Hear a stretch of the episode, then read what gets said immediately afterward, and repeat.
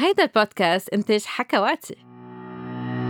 مرحبا مرحبا لجميع المستمعين بحلقة جديدة من حكي صريح مع دكتور ساندرين عبر حكواتي. وبحب رحب بضيفتي لليوم دكتور أميرة معمري طبيبة ومعالجة نفسية متخصصة بعلم الجنس السريري. رح نحكي سوا عن العلاج الجنسي. الجنس خيط مكتوم بدرجة كبيرة بيربط البشرية كلها سوا. وبالرغم أنه تقريبا كل الأشخاص بيمارسوا الجنس وأنه الجنس أمر حيوي لبقاء جنسنا البشري موجود على الأرض إلا أنه الموضوع كتير بحسس الأشخاص بعدم الراحة بس يجربوا يحكوا عنه. وهذا الشيء صحيح كمان خاصة إذا الأشخاص عم بيعانوا من مشاكل جنسية. عادة الصعوبات الجنسية والصعوبات بالأداء الجنسي بتدفع الحديث عن الجنس يكون أكتر وأكتر بالعتمة ويكون في كتم أكتر وأكتر عن الموضوع وبيصير في كتير إحراج وقلق بس الواحد حابب يحكي عن الموضوع. مثلا ضعف الانتصاب والخوف من الفشل وبالرغم من هذا الشيء كتار من الأشخاص اللي بيعانوا من مشكلة الانتصاب بيعتبروا أنه مشكلتهم من عادية. الاعتراف بالمشاكل الجنسية مثل ضعف الانتصاب، القذف المبكر، عدم بلوغ النشوة مستحيل للكتار بيناتنا بسبب وصمة العار المرتبطة بالمشاكل الجنسية. والحصول على المساعدة لهالمشاكل تصدر كتير قلق حتى بالنسبة للأشخاص اللي بيعدوا حالهم متفتحين وإيجابيين من الناحية الجنسية. هذا الشيء بزعل خاصة أنه العلاج الجنسي موجود وأنه العلاج منه صعب بالعكس. وعادة مع العلاج المناسب فينا نحل معظم الصعوبات الجنسية وبيساعد هذا الشيء على التواصل الجنسي مع الشريك. نستقبل اليوم دكتور أميرة معمري طبيبة ومعالجة نفسية تنتحدث عن العلاج الجنسي. أهلا فيك دكتور أميرة من تونس. قبل ما نبدأ بموضوع اليوم اللي هو عن العلاج الجنسي إذا فيك شوي تعرفينا عن نفسك. bonsoir ساندرين أول شيء بدي أقول لك ميرسي على الاستضافة. thank you نحب نشكرك برشا برشا على الاستضافة وأكيد نحب نهنيك على البرنامج. برنامج اللي يجمع بين سلاسة وبساطة المعلومة. وبالأخص والأهم الجانب العلمي المتميز للمحتوى اللي عندك. فميرسي. أه تعرف بنفسي دونك أميرة معمري أه أستاذة مبرزة بكلية الطب بتونس أخصائية في الطب النفسي من سنة 2013 أه عندي عدة كفاءات منها الطب الجنسي العلاج في الطب الجنسي. هو كفاءة متحصلة عليها بكلية الطب بسوسة. آه، عندي أيضا كفاءات أخرى مثل العلاج المعرفي والسلوكي العلاجات الموجزة طب الشيخوخة. آه، وشغلي هو بمستشفى الرازي هو مستشفى عمومي بتونس. أيضا أنا عضو من أعضاء المؤسسة للجمعية التونسية للطب الجنسي آه، اللي هي Société Tunisienne de Sexologie Clinique وهي أول جمعية تونسية مهتمة بالإضطرابات الجنسية وكل ما يهم الأمور الجنسية. آه، وكنت في في الفترة اللي قبل الأمينة العامة للجمعيه من سنة 2017 ل 2020 وأكيد صندرين كان عندنا لقاء نحن في الفترة اللي اللي قبل بالمؤتمر السابع للطب الجنسي. كنت أنت من بين ضيوفنا آه، بصفتك الأمينة العامة لجمعية الشرق الأوسط للطب الجنسي آه، أكيد مع دكتور جواد فغالي اللي هو رئيس جمعية الشرق الأوسط للطب الجنسي وبهذه المناسبه نحييهم. وأكيد كان كانت فرصة للتبادل آه، المعلومات والتشارك في بعض التجارب الخاصة بين تونس ولبنان والعالم العربي والدراسات الأخيرة في في ميدان الطب الجنسي. شكرا أميرة وكتير مهم أنه نذكر كل المستمعين من جميع البلاد العربية أنه الطب الجنسي موجود بالبلاد العربية. الأخصائيين مثل حضرتك المتخصصين بالطب الجنسي بالطب الجنسي النفسي آه، موجودين وفيهم يساعدون أنه يعالجوا المشاكل الجنسية. نحن الجنس بعده تابو ببلادنا والعلاج الجنسي بعد أكتر تابو علما كمان أنه الطب النفسي تابو. بس إذا بدنا هيك نوضح شوي الأفكار شو هو العلاج الجنسي؟ آه، مزبوط صندين هو بعده الطب النفسي وبعده العلاج للاضطرابات الجنسية بعده تابو بالبلدان العربية آه، لكن نحس إنه مع المجهودات الفردية ولا المجهودات في إطار الجمعيات آه، عم نحاول نوصل أكثر المعلومات عم نحاول نبسط أكثر المشاكل الجنسية أو الاضطرابات. وهو مثل ما قلتي العلاج الجنسي هو شو؟ هو اسم على مسمى هو علاج للاضطرابات الجنسية آه، عند الرجل أو عند المرأة أو عند الزوج. الزوج يعني كوبل بكابل آه، بس ليكون في علاج جنسي لازم يكون في كفاءة يتطلب كفاءة من طرف المعالج. يعني آه، إذا فينا نبسط أكثر شوي مش أي طبيب مش أي كفاءة طبية أو شبه طبية قادرة أنها آه، تعالج الاضطرابات الجنسية. لازم يكون في كفاءة. آه، والكفاءة هذه تمكن الشخص أنه يكون عنده آه، مفردة خاصة بالموضوع هذا أنه يكون عنده راحة نفسية أنه يكون عنده معرفة أنه يكون عنده حضور لا يقدر يفهم الاضطرابات الجنسية ويقدر آه، يعالج أو يبسط للمريض المشاكل وإيجاد الحلول أكيد. بس نحكي اضطرابات جنسية كتار من الأشخاص بفكروا أنه عم نحكي عن العدوى الجنسية أم الأمراض المنتقلة جنسيا ونحن عم نحكي عن المشاكل الجنسية شو هي أبرز الحالات اللي بتتعالج بواسطة العلاج الجنسي؟ آه، هو ساندرين العلاج الجنسي قادر أنه يعالج كل الاضطرابات الجنسية تقريبا.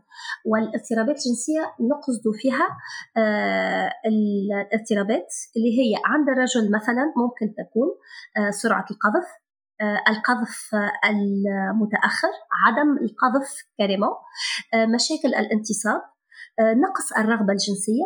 يعني هذا بالإجمال إذا فينا نقول بالإجمال المشاكل عند الرجل. وبالنسبة للمرأة فيها تكون نقص أو انخفاض في الرغبة الجنسية. آه، فيها تكون قلة الإثارة. آه، فيها تكون التشنج المهبلي أو ال vaginisme. أو بعض المشاكل اللي تكون فيها وجع يعني علاقات جنسية مع وجع مع بين آه، أيضا العلاج الجنسي ممكن يكون قابل يعني للتطبيق آه، عند ال couple للزوج للمرأة والرجل مع بعض إذا كان في مشاكل بين الأزواج. بس كمان حكيت إنه العلاج الجنسي في يكون للأشخاص اللي ما عندهم شريك عند المرأة لوحدها ام الرجل لوحدها. كيف فيهم يعالجوا مشاكل جنسية إذا ما عندهم شريك؟ إذا هن مش مرتبطين؟ آه، هو مزبوط السؤال هذا عطولي آه، يتعاود ولا الأشخاص يسألوها آه، هل العلاج الجنسي للأشخاص المرتبطين بس أو لا؟ آه، العلاج الجنسي هو لأي شخص عنده اضطراب وعنده معاناة. دايوغ آه، نحن بال définition ولا بالتعريف للاضطرابات الجنسية شرط من الشروط يلي نقول إنه في اضطراب جنسي هو المعاناة أو ال souffrance يعني إنه الشخص يقول أنا مضايق متقلق من الاضطراب هذا. ولما يصير في معاناة بيصير في اضطراب وبيصير في شكوى. يعني الشخص بيجي بيطلب مساعدة أو بيطلب أنه يكون في إعانة للعلاج. ف آه، لما يكون في آه، معاناة لما يكون في مشكلة وقتها آه، في آه، حل أكيد في علاج علاج جنسي. وبعدين صندرين الشخص الشغلة المهمة إنه ما في ما في وصفة وحيدة في guidelines في مسارات في guidelines بس المعالج هو اللي بيوظف ولا يتكيف حسب الشخص وخاصيته حسب شخصيته النفسية حسب مشاكله حسب ال partenaire تاعه الشخص اللي قبالته إذا هو موجود ولا مش موجود. فالعلاج ممكن يكون لشخص وممكن يكون لشخص مرتبط وممكن يكون لشخص مش مرتبط بس المشكلة بتكون موجودة. علما إنه نحن كثير من الأوقات بنشوف أشخاص بركي ما عندهم اضطراب جنسي ما عندهم مشكلة جنسية بس بحاجة إنه يحكوا عن حياتهم الجنسية إنه يفهموا بعض الأمور. يعني شق كبير من شغلنا هو التثقيف الجنسي بالعيادة مع مع الشخص اللي بيجي لعنا إن كان عنده اضطراب أم لا.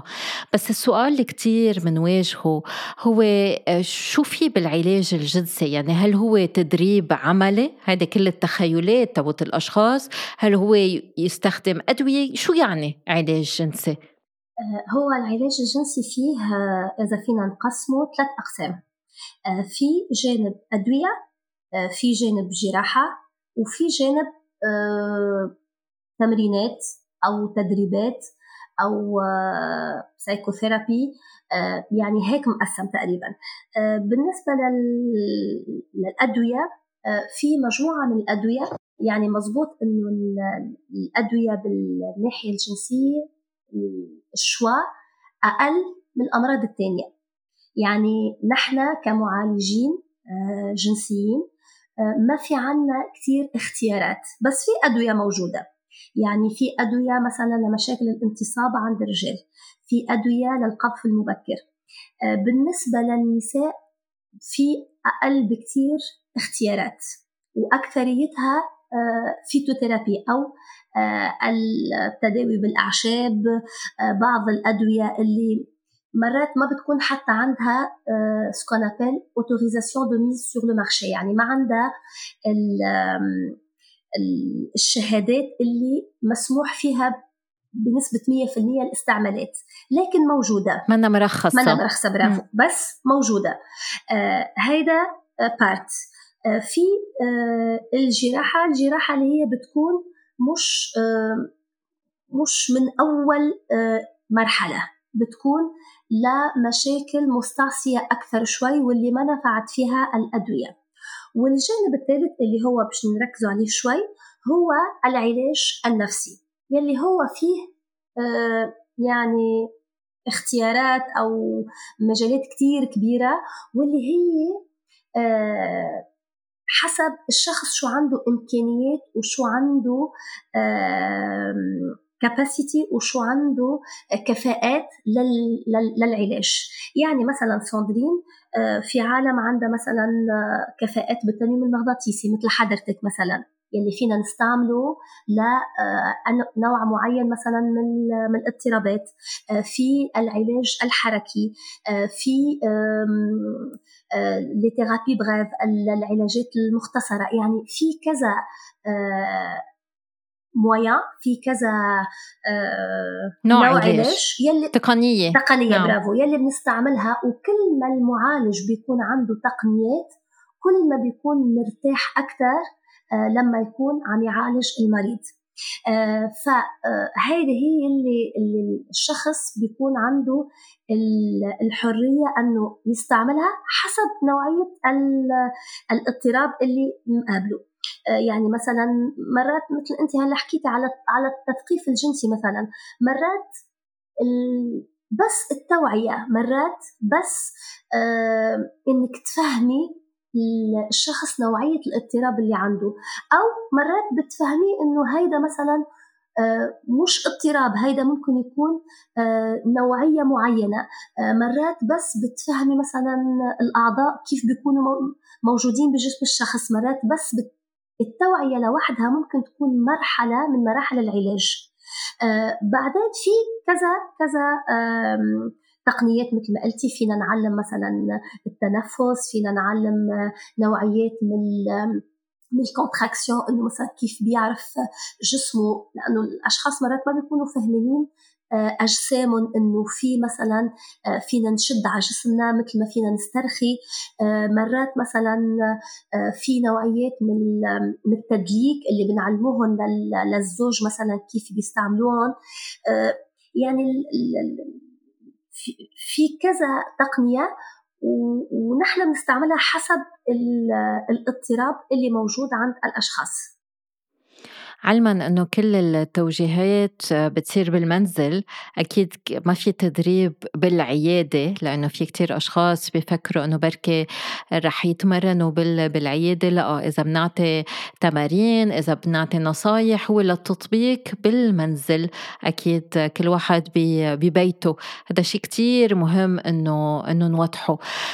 دكتور أميرة عادة التقنيات الاكثر شيء مستعملة أعطيتي مثل التنويم الإيحائي المغناطيسي والعلاج السلوكي المعرفي. وحكينا عنهم عملنا ورشة لعلاج التشنج لا إرادي لعضلات المهبل.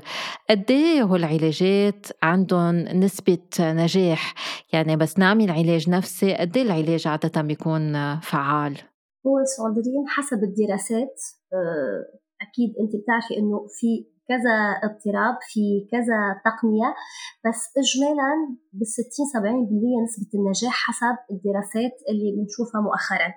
آه، بس اللي بيخلي إنه آه، في علاج ينجح أو ما ينجح في كذا عامل يعني عوامل.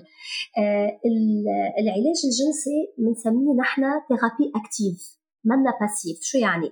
يعني مثلا إنسان مريض مرض مثلا ما بعرف سكري أو أو عنده angine أو شيء الحكيم بيعطيه وصفة آه، بياخذ ال médicament الأدوية الدواء الدواء وخلص مش الحال.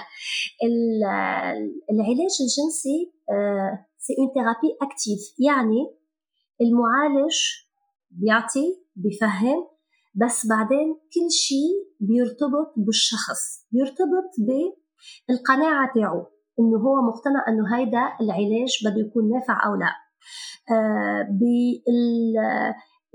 بال motivation أو التحفيز يعني إذا هو بده ولا آه النية موجودة أنه يعمل هالتمرين بانضباط وبتحمس وكمان بانضباط بأوقاته. آه، مرتبط بالرغبة. يعني إذا في رغبة للنجاح بالشغلة بالعلاج أكيد النتيجة بتكون موجودة. آه، مرتبط أيضا بعلاقة الزوج يعني الكوبل. أكيد إذا الكوبل متفقين مثلا وما في مشاكل تانية آه، بيكون في نسبة نجاح أكثر للعلاج لأنه بيكون في تحفيز للنجاح تاع العلاج. وفي أيضا بعض العوامل الأخرى مثلا إذا الأشخاص ما عندهم أمراض نفسية مثلا آه، إذا ما في قلق إذا ما في توتر آه، إذا ما في مشاكل بالشغل إذا ما في مشاكل بالبيت إذا ما في آه، مشاكل خارجية. يعني كل العوامل تنصب لنجاح العلاج يلي هو مثل ما بقول على طول يعني أنا كنت فهم المرضى اللي عندي إنه علاج أكتيف يعني إذا نجحنا بالعلاج أنتوا اللي ساهمتوا بنجاحه يعني المعالج بس آه، بيرشدك بس بيعطيك آه، طريق وأنت اللي بضل ماشي فيه لنجاح العلاج. بس اجمالا اجمالا اجمالا يعني في نجاح كبير للثيرابي سيكسويل هذا الشيء اللي دايما بقوله للي بيجوا لعندي خاصة النساء عندهم تشنج لإرادة العضلات المهبل بيسألوني فيها تنحل هيدا المشكلة لأنه هن كتير عم بيعانوا من الخوف من العلاج والألم اللي فيهم يشعروا فيه. دايما بقول لهم إذا أنتم مقتنعين بالعلاج وعملتوا التمارين المنزلية النجاح عنا 90% نسبة العلا... نسبة نجاح علاج التشنج اللاإرادي لعضلات المهبل. بس إذا أنتم ما عملتوا التمارين نسبة النجاح صفر. ما هو الواحد بده يشتغل مثل الرياضة. إذا أنا بدي أتعلم التنس إذا ما رح تدربت ما رح أتعلم التنس ما رح تجيني هيك آه، من آه، من الله إنه أعرف آه، ألعب تنس. ف هذا الشغلة دائما صعب لأنه الأشخاص بيعتبروا أنه الجنس شيء طبيعي ولازم ينحل بسهولة لأنه كل غير أشخاص هديك الأشخاص عم بيمارسوا الجنس من دون أي صعوبة. ليش أنا بدي أعمل مجهود كرمال أقدر مارس الجنس؟ بس بس يكون في مشاكل نفسية لازم نشتغل على مشاكلنا بالنهاية. مزبوط ساندرين هو بالعلاج النفسي نحن اجمالا شو بنقول؟ بنقول آه، في أول حصة آه، يعني واحدة أو اثنين للتشخيص. اجمالا هيك بتصير تقريبا thérapie للتشخيص التشخيص ممكن يكون بحصة واحدة ممكن يكون بحصتين. آه، اجمالا الحصص بتدوم بين 30 و40 دقيقة تقريبا. بعدين tout dépend أنت والمعالج وأنت والشخص اللي قبلتك. وحسب الاضطراب مثلا في اضطرابات آه، بيجي المريض بتعطيه دواء OK بترجع بتشوفيه مرة ثانية إذا OK أو لا. بس آه، في آه، بعض الأمراض مثل التشنج المهبلي مثلا آه، يلي بنتفق نحن والمريض. يعني المريض بتخبريه إنه العلاج بياخذ مثلا خمس ست حصص. وبنهيئه إنه هيدا العلاج بدك تجي مرة مثلا بعد أسبوعين تقريبا. هلا بعدين باستراتيجية كل كل معالج وعنده الخاصيات شوي تاعوله. والمريض بنخبره إنه هيدا العلاج بده يكون أكتف يعني أنت بدك تشتغل فيه وبدك تفكر إذا في استعداد نبدأ العلاج. إذا ما في استعداد ما ما إلى عازة يعني ما إنه حرام كرمال المريض وكرمال المعالج. المعالج. مزبوط فبنكون على طول بنقول لهم فكر إنه هيدا آه العلاج بده وقت بده شغل وبده تايم آه، يعني مش إنه والله بحسها حسها بس بدنا نلاقي بدنا نلاقي حلول لمشاكل يمكن عندها عندها فترات. هذا شيء كتير صحيح أنا دايما بقول للأشخاص إنه إذا أنتم صارلكم عشر سنين عم بتفكروا بهالطريقة مش بجلسة واحدة رح نقدر نصحح التفكير بدنا وقت أكتر إنما في بعض الأشخاص بيفاجئونا بالنتيجة دكتور أميرة قلتي إنه المعالج الجنسي لازم يكون عنده شهادات بالعلاج الجنسي إنما مين هو؟ هل هو طبيب؟ هل هو طبيب نفسي؟ هل هو معالج نفسي؟ شو اختصاص اختصاصه بالأساس؟ أوكي آه هو المعالج الجنسي ساندرين آه لازم يكون عنده كفاءة هو مثل ما قلنا آه la sexologie آه، ولا العلاج الجنسي مش اختصاص هو كفاءة آه، الكفاءة هذه ممكن آه، يتحصل عليها طبيب OK؟ طبيب ممكن يكون بأي اختصاص ممكن طب عام ممكن طبيب نفسي ممكن طبيب في المجال البولية ممكن طبيب في امراض النساء والتوليد آه، ممكن في في الغدد. يعني حسب الأشخاص أكيد ما في مثلا يكون طبيب عظام مثلا حيكون مختص بالعلاج الجنسي. يعني في شوي شوي logique. بس اجمالا أي طبيب آه، مهما كان اختصاصه أو طب عام في يكون معالج نفسي. بس أكيد لازم يكون في عنده هيدي الكفاءة. آه الشخص اللي ممكن يكون كمان معالج آه جنسي هو ال psychologue الأخصائي النفسي. آه بس الفرق إنه الأخصائي النفسي ممكن يكون معالج جنسي آه، بالتقنيات ولا الوسائل اللي حكينا عليها آه، قبل شوي لكن ما عندوش الإمكانية إنه يكتب الأدوية. بما إنه أخصائي نفسي مش طبيب. آه هذا في إطار اللي, اللي عم بحكي لك عنه مثلا نحن بتونس. ما بعرف إذا بلبنان أو بالعالم العربي نفس الشيء. بس مثلا برا نفس الشيء OK. بس مثلا برا آه، بأوروبا بأمريكا الإطار الشبه الطبي كمان فيه يكون معالج نفسي. يعني مثلا ال kinési آه، thérapeute عم فتش على الترجمة. المولدة القانونية ال midwife كمان. أو أو القابلة مزبوط المعالج الف... إيه المعالج الفيزيائي, المعالج الفيزيائي وال... والق... أو القابلة م. أو لساج فام آه، يعني ب... ب... بأوروبا بنشوفهم مزبوط بأوروبا بكذا بنشوفهم. آه، بيكونوا آه، عاملين كفاءة في الطب الجنسي وبيكونوا معالجين جنسيين. عم بحكي على تونس بس بفتكر يمكن بلبنان نفس الشيء بالعالم العربي لازم يكون أو دكتور أو آه أخصائي نفسي. بس برا حتى الإطار الشبه الطبي في يكون معالج جنسي بس لما يكون عنده الكفاءة تاع الطب الجنسي. وهون الواحد بده يتأكد من كفاءات المعالج اللي عم بيروح لعنده قبل ما ما يعالجه يعاينه لأنه بعض الأوقات آه، بضل في أشخاص ما بتكون نيتها آه، تنقول إيجابية أم منيحة وبتصير تستعمل المريض وبتعمل له علاجات منا آه، منا بالنهاية مفيدة للشخص. بس دكتور أميرة إذا الواحد عنده مشاكل جنسية وما بده يعمل علاج جنسي يعني ما كتير بتقبل فكرة العلاج النفسي هل في بدائل لهذا العلاج؟ هو شوفي ساندرين إذا الشخص مش متقبل آه، أكيد ما فينا هو بالمبدأ ما فيك تجبريه إنه يكون في علاج آه مثلا بعطيكي اكزامبل مرات نحن بيجي شخص آه لمشكلة نفسية بخلال المشكلة النفسية بتكتشفي إنه في اضطراب جنسي. إذا الشخص آه، مش مقتنع أو مش مضايق كمان آه، أو ما عنده استعداد للعلاج ما في يكون في في علاج. يعني أبسط مثال مثلا القذف المبكر، القذف المبكر هو من من من الاضطرابات اللي موجودة تقريبا عند ثلث الرجال. آه، نحن مثلا مرات بالطب النفسي تسألي مع مع الأسئلة الثانية اللي تابعة الأمراض وبنكتشف إنه في مثلا آه، سرعة في القذف. إذا الشخص مش مضايق منها أو آه، الشريك مش مضايق ما فينا نحن نفرض للشخص إنه يتعالج على هذه المشكلة. يعني برجع بقول إنه أهم شيء السفخاص أو المعاناة. إذا الشخص مش معاني مش مضايق من المشكلة بالنسبة للمعالج الجنسي ما في مشكلة. إذا هو مش مضايق إذا هو عايش حياته الجنسية آه، من بدون معاناة ما فينا نحن نجبره أو نفرض عليه علاج أو نقرر إنه نغير له آه، مسار حياته بهال بهالأشياء. بس نحن دورنا إنه نوعيه.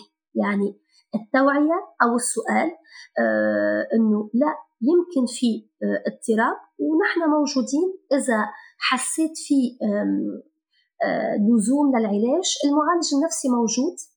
أو فينا نعطيك كذا أدريس لكذا شخص إنه فيهم يكونوا موجودين ليعالجوك آه، بس أهم شيء إنه البلانت المشكلة أو الطلب يصدر الشخص هو بذاته. مزبوط وأهم شيء كمان إنه الواحد يعرف حتى إذا الأسباب نفسية يعني بس الأشخاص بتعاني من اكتئاب بعد الأوقات ما بيكون بدهم يعملوا علاج نفسي وبياخدوا بس الأدوية مضادات الاكتئاب. بس يكون الاضطراب جنسي ومتعلق بموضوع نفسي. يعني مثلا مشاكل انتصاب بس مش متعلقة بالشرايين متعلقة بخوف من الفشل بقلق من الأداء من ردة فعل الشريك أم الشريكة. هون لازم نشتغل على موضوع الجنس. يعني لازم نقدر نقدر نشتغل نصحح المفاهيم الخاطئة نسمح للشخص أنه يواجه مشكلته أنه نعالج بأدوية مضادة للاكتئاب أم مضادة للقلق أم التوتر. التوتر ما رح يكفي. ومثل ما الواحد بيكون بيخاف إنه يسبح OK اعطيناه دواء ما بقى بيشعر بالتوتر إنما ما رح يتعلم السباحة إذا ما نزل على المي و... وتعلم الحركات اللي لازم يعملها بالمي تيقدر يفوش. ففي في طريق الشخص بده يقدر يمشي فيه بس بده يكون مقتنع.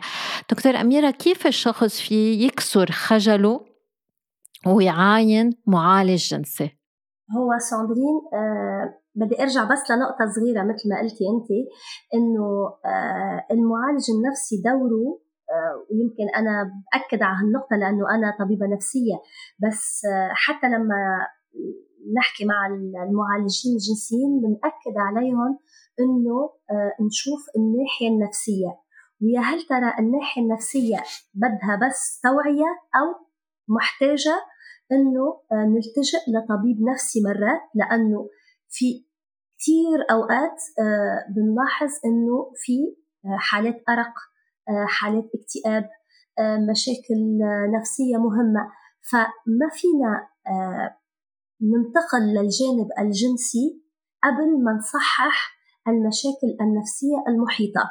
يعني نقطة مهمة لأنه مرات حتى إذا بنشتغل على العلاج الجنسي وفي مشاكل نفسية ما بنلاقي نتيجة. ما في ما في ريزلتا لأنه الجانب النفسي بيكون آه بده اهتمام أكثر ممكن أدوية ممكن علاج نفسي ممكن كذا أشياء. فهيدا نقطة مهمة. آه النقطة الثانية ساندرين اللي بدي أكد عليها آه وأنت ما شاء الله بالاب تو ديت يعني إنه عارفينها هيك إنه المشاكل الجنسية بفترة معينة قبل آه كنا نحكي على مشاكل عضوية ومشاكل نفسية. يعني مثلا آه مشكلة في الانتصاب بنقول آه في ممكن جانب عضوي جانب نفسي. بآخر الكونفرنس اللي بيعملوهم ما عندنا بنحكي على جانب نفسي وجانب عضوي صار مندمج. يعني الجانب النفسي على طول موجود ما فينا نلغيه. حتى لو المشكلة عضوية بنسبة 100% الجانب النفسي بده يصير موجود بطريقة أو بأخرى. لأنه إذا في مشكلة عضوية أكيد في آه نوع من الاكتئاب أكيد في قلة ثقة بالنفس آه أكيد في شك بالطاقات و آه بالكاباسيتي تاع الشخص مثلا إنه يكون قادر بالأداء. بالأداء. مزبوط. وهذا فاعل عند المرأة وعند الرجل نفس نفس الشيء. فالجانب النفسي على طول آه شيء مهم آه لازم نشتغل عليه حتى لو المشكلة عضوية بنسبة 100% آه سوري بس فتحت كذا قوس ورجعت نسيت السؤال الأول. مظبوط. السؤال كان كيف الواحد بيكسر خجله من من المعاينة؟ أنه كيف الواحد بيتشجع يروح يشوف معالج جنسي؟ هو ساندرين أهم شيء لواحد يكسر الخجل. أنا بالنسبة لي هو طاقة المعالج إنه يخلي المريض مرتاح. آه نحن ليه عم نقول لازم يكون في هيدي الكفاءة؟ لأنه الكفاءة بتخلي المعالج عنده مفردات خاصة آه عنده طريقة سلسة ليريح الشخص اللي قدامه. آه يعني بتجربتي الخاصة مثلا مرات المريض بفوت ويكون عم يفكر إذا بيحكي بالمشكلة الجنسية أو لا بس لما يلاقي آه قدامه آه معالج نفسي بيريحه بيصير في سهولة إنه يحكي الموضوع. آه يعني كسر المحرمات إذا فينا نقول أو أو سهولة الحديث آه بترتبط أكثر بالمعالج النفسي. إذا هو حس إذا هو كان عنده سهولة بالحكي إذا هو ما كان عنده مشكلة إنه يحكي بالمشاكل الجنسية. إذا المعالج صار يحكي على الجنس كأنه عضو عادي مثل الأعضاء الثانية. يعني مثل ما بيحكي طبيب الجلدة مثل ما بيحكي طبيب الأمعاء مثل طبيب القلب فأكيد المريض بده يلاقي سهولة إنه يحكي على مشاكله. أنا مرات مثلا بيجوني أشخاص من عمر معين يعني من الكبار شوي وبتحسي فيه خجل. بس إذا المعالج بيريح المريض بيقول له لا إذا أنت حكيت على الأعضاء الجنسية كأنك عم تحكيني على إيدك على منخارك على فمك على على الأعضاء العاديين فبنسهل. آه الشغلة الثانية آه مرات المريض بيكون بس عم يفكر نحن بنسهل له المعالج بيقول له إذا إذا كان في مشكلة جنسية أنا موجود وفيك تخبرني. آه المريض يرجع بس بضل على طول بيفكر بهالشغلة ونهارة اللي فيه مشكلة ما بيلاقي صعوبة فبفتكر ساندرين هيدا مش دور المواطن أنا بفتكر هيدا دورنا نحن كمعالجين دور يمكن المجتمع إنه يسهل دور الأشخاص مثل حضرتك بالبودكاست اللي عم تعمليهم. بإنه نحكي على المواضيع الجنسية بسهولة بليونة وبكلمات خاصة علمية يعني مش فيلجار إنه بنحكي عن أمور جنسية بكل بكل سلاسة بكل ليونة بكل سهولة. آه مثل عم نحكي عاية أعضاء يعني مش ضروري نعمل منها تابو أو أو مشكلة أو أو أو أو يعني نكبرها هالأشياء. وحتى لو المريض حكي نحن بنكون عنا الاستماع. يعني لازم يكون في كاباسيتي إنك تسمعه بلا ما تحكم عليه. يعني مش الشخص بيجي عمره 70 سنة بيقول لك عندي مشكلة جنسية. أوف! 70 سنة عم تحكيني عن مشكلة جنسية مثلا.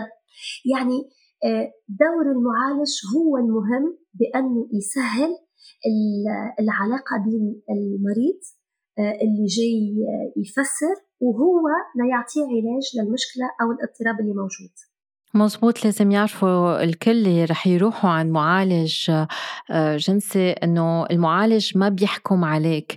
يعني آه، شو ما تكون تفضيلاتك الجنسية أفكارك الجنسية مهم أكيد إنك تحترم المعالج والطبيب اللي بوجهك بس نحن ابدا ما رح نحكم ولا على العمر ولا على الجندر ولا على على الميول ولا على التفضيلات. نحن موجودين تنساعد. وما في شيء عيب أم آه، حرام أم آه، عار أنه نحكي عنه. ولذلك قبل ما ننتقل لأسئلة المستمعين رح هيك نعطي بعض الأفكار عن شو بيصير أثناء آه، الجلسة أم الحصة مع المعالج الجنسي.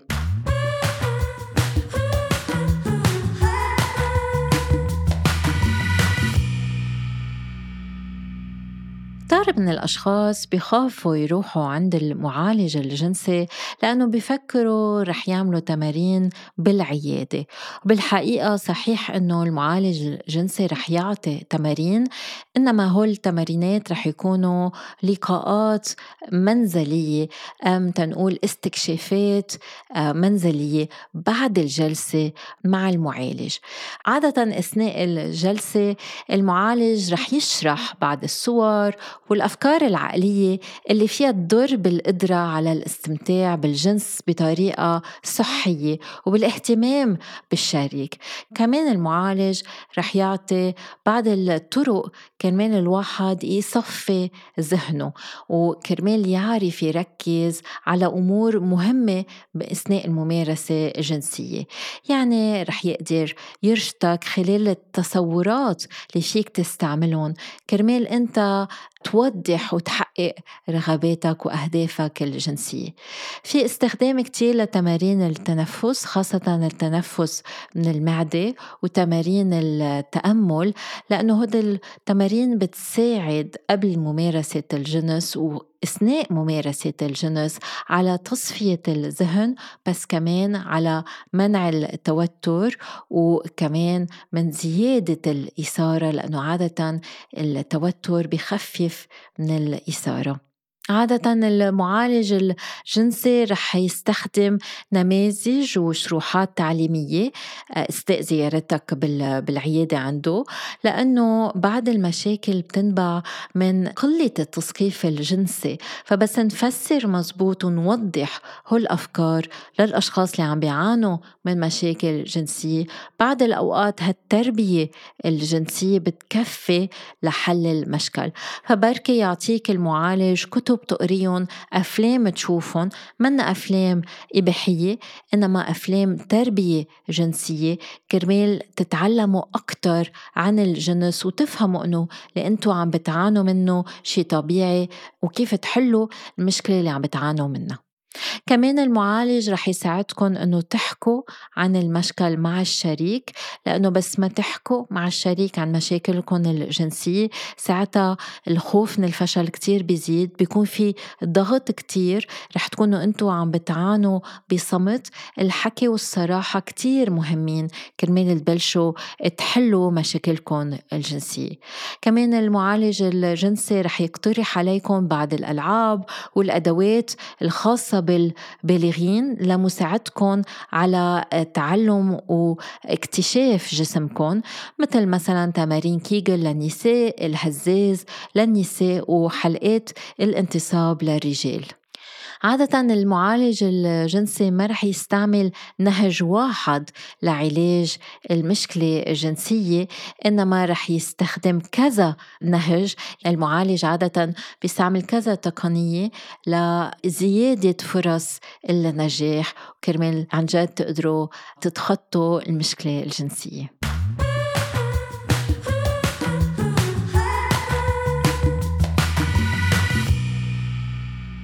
دكتور أميرة إجينا تعليقات وأسئلة عن الموضوع رح نجرب نجاوب على البعض منها في شخص عم بيسألنا إذا العلاج الجنسي بيتعامل مع الصدمات الجنسية.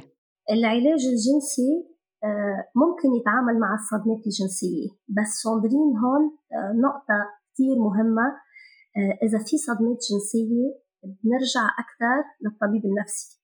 يعني أنا هون أكد إنه كل كل معالج عنده كفاءاته كل معالج عنده اختصاصاته. آه، المعالج النفسي بيفتش يشوف آه، شو المشكل آه، أو الاضطراب أو الصدمة. بس إذا في impact psychologique مهم بيرجع أكثر للطبيب النفسي لنشوف إذا في آثار جانبية أو نفسية مهمة تستحق العلاج النفسي. هون لازم نوضح إنه في اضطراب ما بعد الصدمة اللي بيعوز علاج نفسي قبل ما نعمل العلاج الجنسي. إنه إذا شخص عم بيعاني من آه، توتر من قلق أم اكتئاب كتير حاد أم من اضطراب ما بعد الصدمة أصلا منه مؤهل إنه يشتغل على حياته الجنسية. ما رح يكون عنده النشاط الكفاية تيقدر يشتغل على حياته الجنسية. هون لازم نذكر كمان إنه من عوارض الاكتئاب الاكتئاب والتوتر هو المشاكل الجنسية. لذلك منبلش نشتغل على المشاكل النفسية قبل ما نشتغل على المشكلة الجنسية. في شخص عم بيقلنا أنه عنده خوف من الفشل وبالرغم من أدوية الانتصاب ما عم بيكون عنده آه، انتصاب يفقد الانتصاب عند محاولة إدخال العلاج المهبلي. آه، شو في يكون العلاج له إذا بده يشتغل على ضعف الانتصاب؟ هون صادرين نفس اللي بعدنا حكينه إنه أي اضطراب آه، حتى لو في جانب عضوي أكيد في جانب نفسي. وحسب السؤال تاع الشخص اللي اللي سأل آه، المشكلة هون مش عضوية هي مشكلة نفسية. آه، هون المعالج بده يشتغل على الثقة بالنفس وبده يشتغل كتير مع البارتنر يعني نعرفش الخاصية تاع الشخص اللي سأل آه، بس إجمالا في مشاكل الانتصاب آه، الزوج أو الطرف الآخر آه، شخص مهم بالعلاج. يعني هذه نقطة نحب نأكد عليها اللي مرات وفي في أكثرية الاضطرابات الجنسية مش مضطر هو بالعكس ماهوش اضطرار لكن ضرورة أنه نشوفوا الطرف الآخر. أو البارتنر آه، لأنه مثلا مرات ممكن البارتنر ينجم يساعدنا. آه، لأنه مثلا في الانتصاب الجنسي مرات تكون الزوجة مثلا من النوع اللي آه، ما تتفهمش الاضطراب. ممكن الانفعالات اللي اللي هي يكونوا موجودين عندها وقت يصير لما يصير ضعف الانتصاب يأثروا سلبيا على الشخص الآخر. فكثير مهم إنه المعالج النفسي يهتم بالشخص اللي عنده اضطراب لكن آه، ما نسميه بالوجه آه، في المرآة يعني الشخص الزوج متاعه اللي هو مرآة للاضطراب اللي عنده. فكثير مهم إنه نشوف الشخص الآخر لنفهم الاضطراب أكثر ويمكن مرات الطرف الآخر هو أنكو ثيرابيوت يعني بيساعدنا بالعلاج آه، بيساعدنا لنفهم الموضوع وممكن يسهل العلاج للشخص هذا اللي يسأل على الجانب النفسي لمشكلة الانتصاب صحيح وبعض الأوقات الشريك بيكون هو سبب المشكل. من هيك كمان في حاجة أنه تدخلوا بالعلاج إذا تقبل الموضوع طبعا لأنه بنشوف كتير أشخاص بيقولوا لنا أنا الشريك تبعولي ما بده آه، يجي يتعالج عم بيقول لي أنت المشكل أم أنت المشكلة؟ روحي عالجي نفسك وبعدين ارجعي.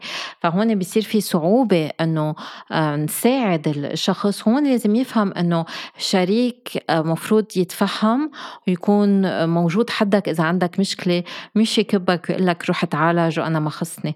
ده شيء كتير مهم. آه دكتورة أميرة في سوري ساندين. آه نحن لما يكون في مشكلة عند اضطراب جنسي آه مرات الشخص بيقول لك شريكي عنده مشكلة أو اضطراب جنسي. no no.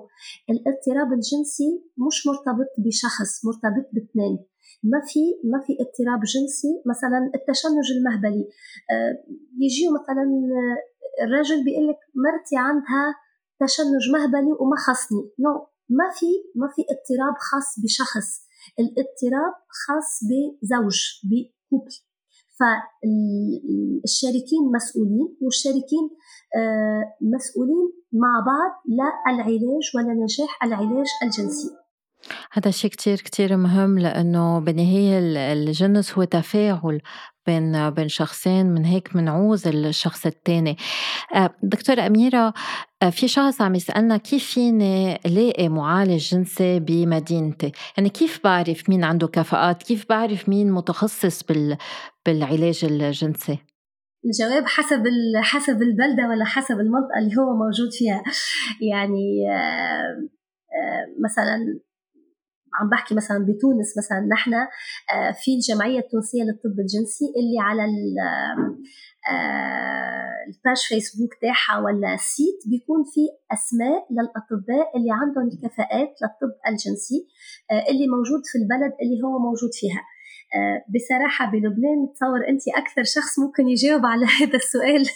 ما بعرف كيف ال كيف ال إنه حسب الكفاءات إذا في على ال site يمكن تاع ال MSM أو يمكن ما بعرف بحس إنه انت انت مناسبة أكثر للجواب على هذا السؤال.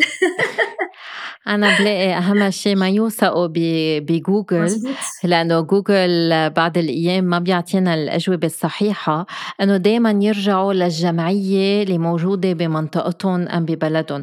يعني عنا جمعية الشرق الأوسط أوسط للطب الجنسي في جمعيات بكل بلاد العربية وبلاد العالم وين الأشخاص يون عن جد يلاقوا مين هن الأطباء والمعالجين اللي بينتموا لهالجمعية وعندهم مزبوط الكفاءات. آه، مثلا بلبنان في عنا جمعية للصحة الجنسية اسمها LebMASH بتحط على ال website على الموقع تبعولها أسامي المعالجين والأطباء اللي أصلا هن sex آه، positive يعني إيجابيين بالنسبة للجنس. لأنه في بعض الأطباء أصلا ما فينا نحكي معهم جنس. وبنلاقي صعوبة إنه يصير في هالحوار بأنه من من واجب الطبيب إنه يحكي عن الحياة الجنسية لأنه هي ضمن الصحة الشاملة بالنهاية. ومن حق المريض إنه يسأل عن حياته الجنسية. إنما مثل ما قلت الواحد يقدر يحكي عن الجنس عم نحكي عن الأطباء والمعالجين. بدهم هن يكونوا مرتاحين نفسيا مع آه، فكرة الجنس. وبعض الأشخاص منهم مرتاحين مع الموضوع. دكتور أميرة في كمان بعد سؤال. في شخص عم بيقلنا أنه هو عايش بقرية بعيدة من المدينة وعم يسأل إذا العلاج الجنسي عبر الإنترنت مفيد. آه، هو صادرين من من وقت صارت أزمة الكورونا فيروس. بكل العالم مش بس بتونس أو بلبنان أو ب يعني صارت لكريز مونديال آه، صار في التجاء للعلاج عن بعد. بكل الاختصاصات بكل الحالات يعني مش حتى بالعلاج الجنسي بس. وبفتكر أزمة الكورونا منحت للأشخاص تفكير آه، لايجاد حلول آه، آه، لما صار في confinement صار العالم كل واحد قاعد ببيته ما فينا نبطل نبطل نعالج وما في العالم تبطل تتعالج أو تتحكم.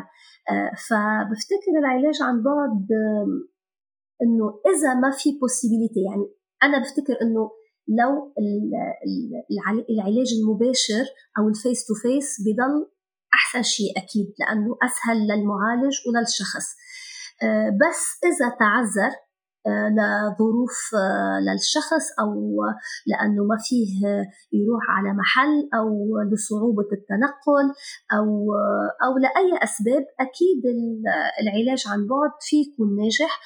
بس نرجع بنقول حتى العلاج عن بعد بده أشخاص كفء لتقدر آه، عن طريق الكاميرا إنه مثلا تلقط تعابير الوجه إنه تفهم معاناة الشخص إنه تفهم شو شو المشكلة وشو وشو الامباكت تاعها عند الشخص. يعني آه، يعني حتى العلاج عن بعد مش مش كل العالم فيها فيها فيها تكون كفء لتشتغلها.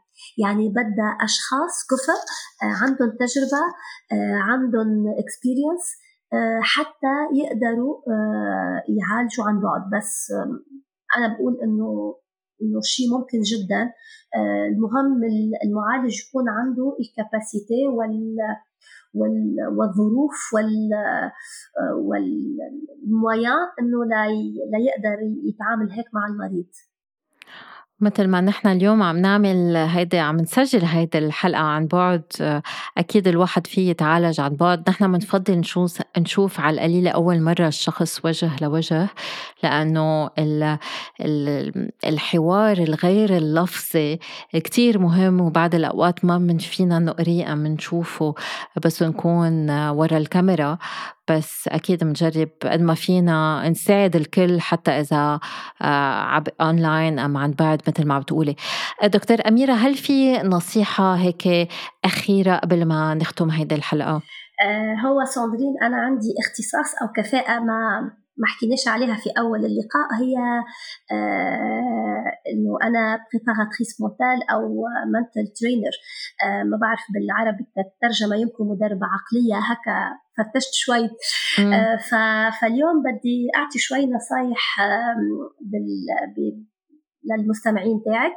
آه هو بالعادة الحصص أو النصائح هذوما ننصح بهم أكثر للرياضيين أو للأشخاص. آه لكن اللي نلاحظوه أنه المشاكل الجنسية أو الاضطرابات الجنسية فيها جانب نفسي مهم مثل ما خبرنا. ومع ال stress اللي موجود بالحياة آه، stress تاع الشغل stress تاع الأطفال stress تاع العائلة stress تاع العجقة stress تاع حركة المرور. فالعالم آه، بتوصل آخر النهار مطفية يعني خلص آه، آه، تعبانين زهقانين آه، يعني ال taux أو الدرجة تاع الضغط بتكون عالية جدا. وهذا يأثر على الرغبة الجنسية لأنه الرغبة الجنسية هي أو الحياة الجنسية ماهيش زر نكبسوا عليه ونقولوا خلص توا باش تصير علاقة جنسية. لا العلاقة الجنسية فيها مقدمات فيها تحضيرات فيها راحة نفسية فيها رغبة فيها نشوة. وإذا الأمور هذه مش موجودة لا يمكن أن تكون في علاقة جنسية ناجحة. آه، فالنصيحة اللي باش نعطيها اليوم للمستمعين آه، هما بعض التمارين اللي ممكن نعملوهم كل يوم الصباح. آه، التمارين هذوما يدوموا تقريبا ستة سبعة دقائق.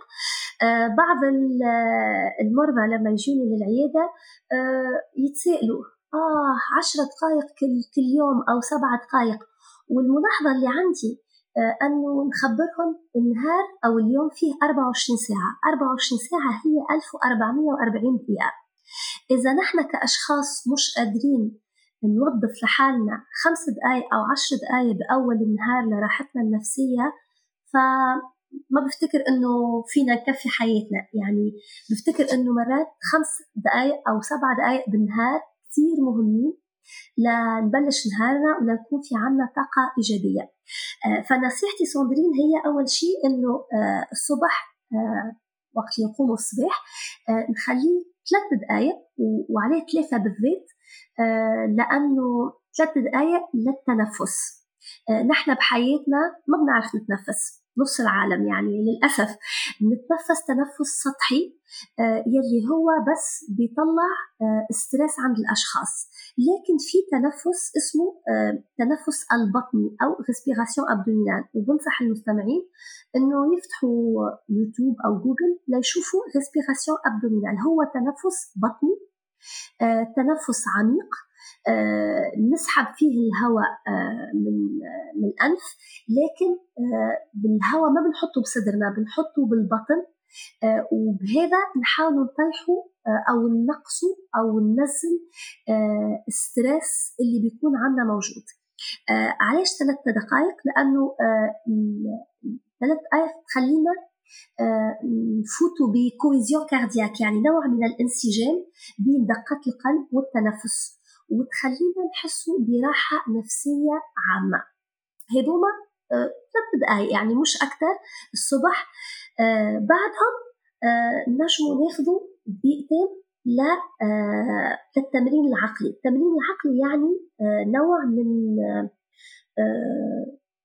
تخيل إذا فينا نقول أو أو تصور صورة إيجابية. الصورة الإيجابية هذه ممكن تكون مشهد ممكن يكون مكان ممكن يكون شخص ممكن يكون حدث صار أي شيء اللي يوصل نوع من الابتسامة الداخلية للشخص. يعني في اللحظة اللي نتصوروا فيها المشهد هذا الشخص بطريقة لا إرادية يحس بنوع من الراحة النفسية أو الابتسامة الداخلية.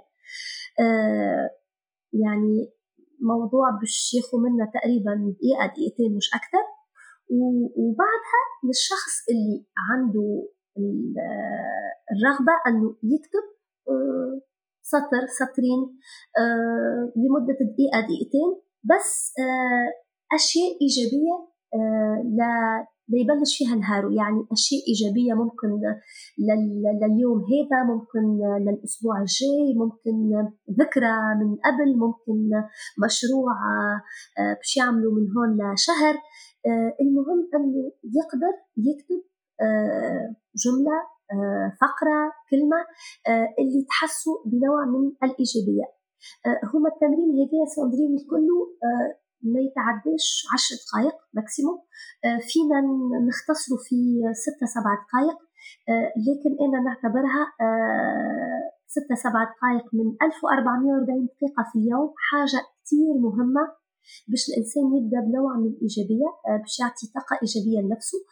طاقة إيجابية ممكن الأشخاص اللي بحذاه اللي باش يشوفهم في النهار هذاك. وهكيك الأشياء الإيجابية مش باش تكون على الحياة الجنسيه بس نو باش تكون على كل آه، طاقته في, اليوم هذاك. وأكيد بطريقة أو بأخرى آه، باش تأثر بعد على حياته الجنسيه آه، في في في آخر اليوم. شكرا كتير أميرة لهيدي النصيحة. وبفتكر إذا الشخص كمان في يخصص كمان سبع دقايق المساء تيعمل نفس الشي بيلاقي كتير نتيجة فعالة وبينام بطريقة أحسن كمان.